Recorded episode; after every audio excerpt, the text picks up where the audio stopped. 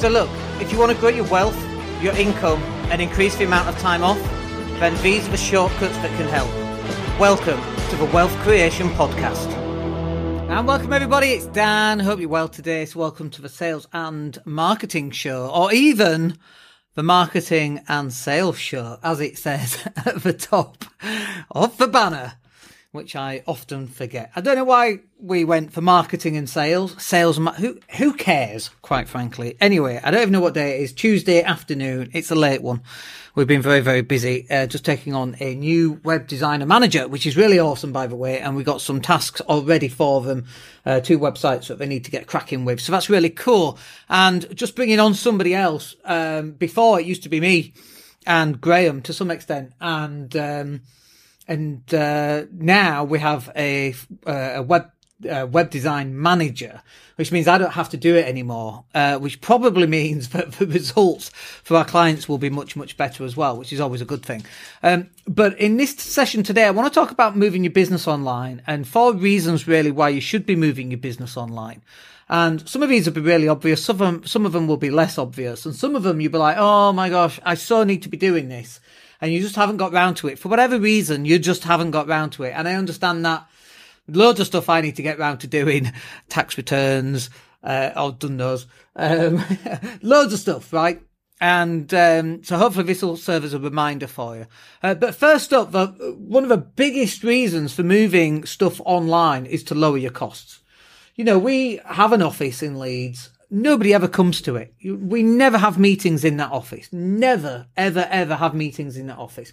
The only time we actually have a meeting uh, is online using Google Meet or Zoom. Or if you're really old school, we might go to Skype, but we try and avoid Skype like for plague. Um, but we just, you know, everyone's so used to just jumping online. Let's have a quick call. You don't have to drive anywhere. You don't have to park up anywhere. You don't have to pay for petrol or parking. Uh, it doesn't take you 25 minutes to find a car parking spot and then meet up for a coffee and then that costs you more money and so on. So, uh, it really does lower your costs if you can move a lot of your business online. And for us, really, it's been uh, meetings and moving meetings online. That's worked very well. But also other things like frequently asked questions where someone asks a question. Can you jump on a call? I want to explain I don't know, whatever it is that they want. And you go, oh no, I, I, can just, here's the link, right? And you can drive them to the link. Now, sometimes that's good and sometimes that's worse. And the, one of the reasons why that might actually be worse is because you might want to get them on a call because you want to uh, diagnose them and find out what, what is the problem that they're trying to solve and uh, what's the best way of solving it for them. And then now you're suddenly into a sales call. So sometimes uh, you don't need to get people onto a um, a frequently asked question or point them to your website. Sometimes you might want to um, actually get on a call with them, but that's that's then down to your choice, isn't it? Um, if they want to actually jump on a call, then they can go, how about we just jump on a call? Or you might say, hey, let's jump on a call. We'll, we'll cover that off. And they go, no, have you got a link to it? Yes. Now they're back on the website. Now they get the answer answered because you're transparent and upfront about how you operate or whatever the query to their question was, the answer to their question. And now they're like, well, that's brilliant. I didn't know they had all these resources. I'm going to book a call with them. So moving all your stuff online just makes such good sense product information, how to guides, videos on how to use the product the best way. You know, we've got this massive uh, website called, you may have heard of it, it's called YouTube. It shows you how to do stuff on video. Amazing, right? So moving all your stuff online definitely uh, can lower your cost if, if done correctly. Um, now, I'm not one of those who thinks that you should just move everything online for the sake of moving everything online. I believe that a human touch is uh, vastly more important than moving things online. And actually, it's one of the big mistakes people make in sales is they're trying to automate and move online this sales process. And I don't really think that that's a good thing for you. I think that what you want to be doing on a sales process is getting on a phone call, getting in front of people, having a curry, having a pint, going for a coffee, uh, having a business meeting in a place. It could be a meeting room or an office or slug and lettuce or wherever it happens to be. I love that idea of going out and being face to face with people because I don't think you can automate the sales process and often you shouldn't be automating the sales process. And then the next reason for moving your business online is just having a much larger reach. So obviously we live in Spain.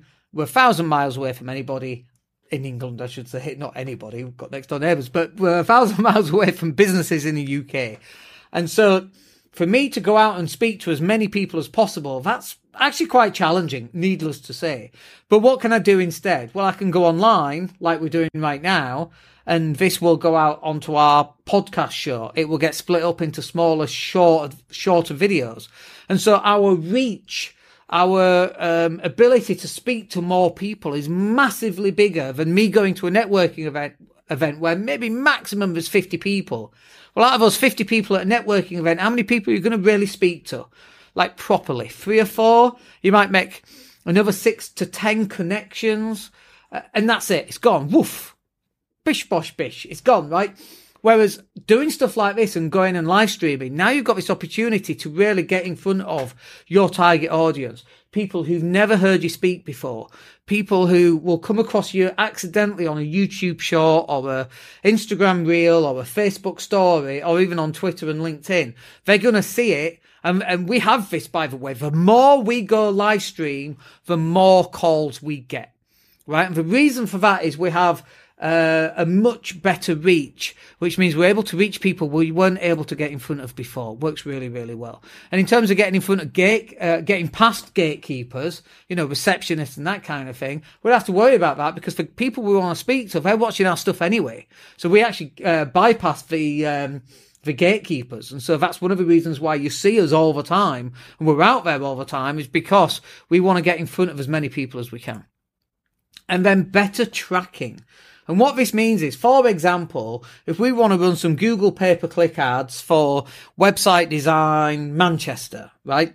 Um, and we can get to the top of Google just running Google pay per click. So anybody looking for website designers in Manchester, we can easily get to the top and generate some leads doing it that way right? So we have much better tracking and then we can see what keywords work really well. We can see which keywords convert. We can run Facebook ads. We can run LinkedIn ads and Twitter adverts.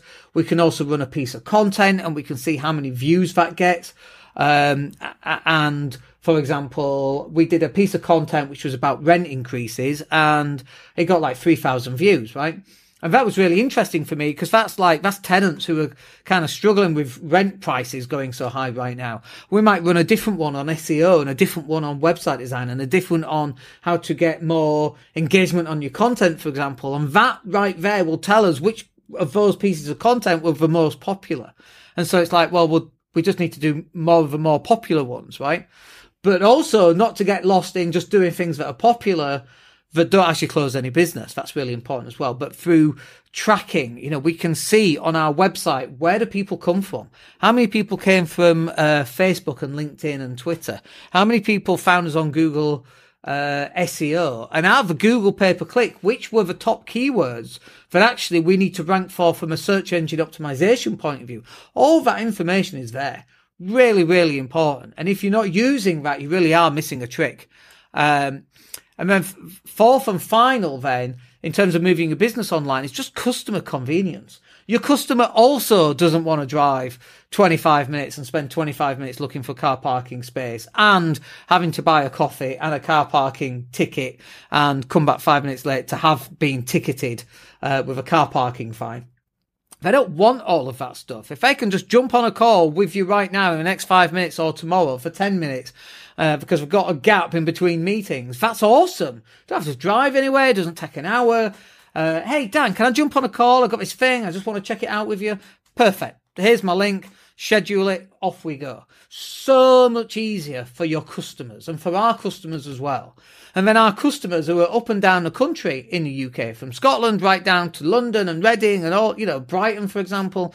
Like, Dan, uh, I just want to jump on a call. Uh, uh, can we spend an hour actually? I've got this thing and I need to just break it down and run through it.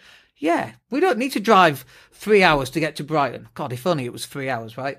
Uh, four or five hours to get to Brighton. We don't have to do that. It's like, let's jump on a call. We're always jumping on a call with clients and new customers and potential new customers. So much easier for the customer. And I think some businesses forget why you're actually here and you're here to help the customer, right? I like, I think some people kind of forget that. And, um, And that's not what it's about. It's about making it as easy as possible for your customers to conduct business. So I hope that's useful for you. Quick 10 minute podcast there.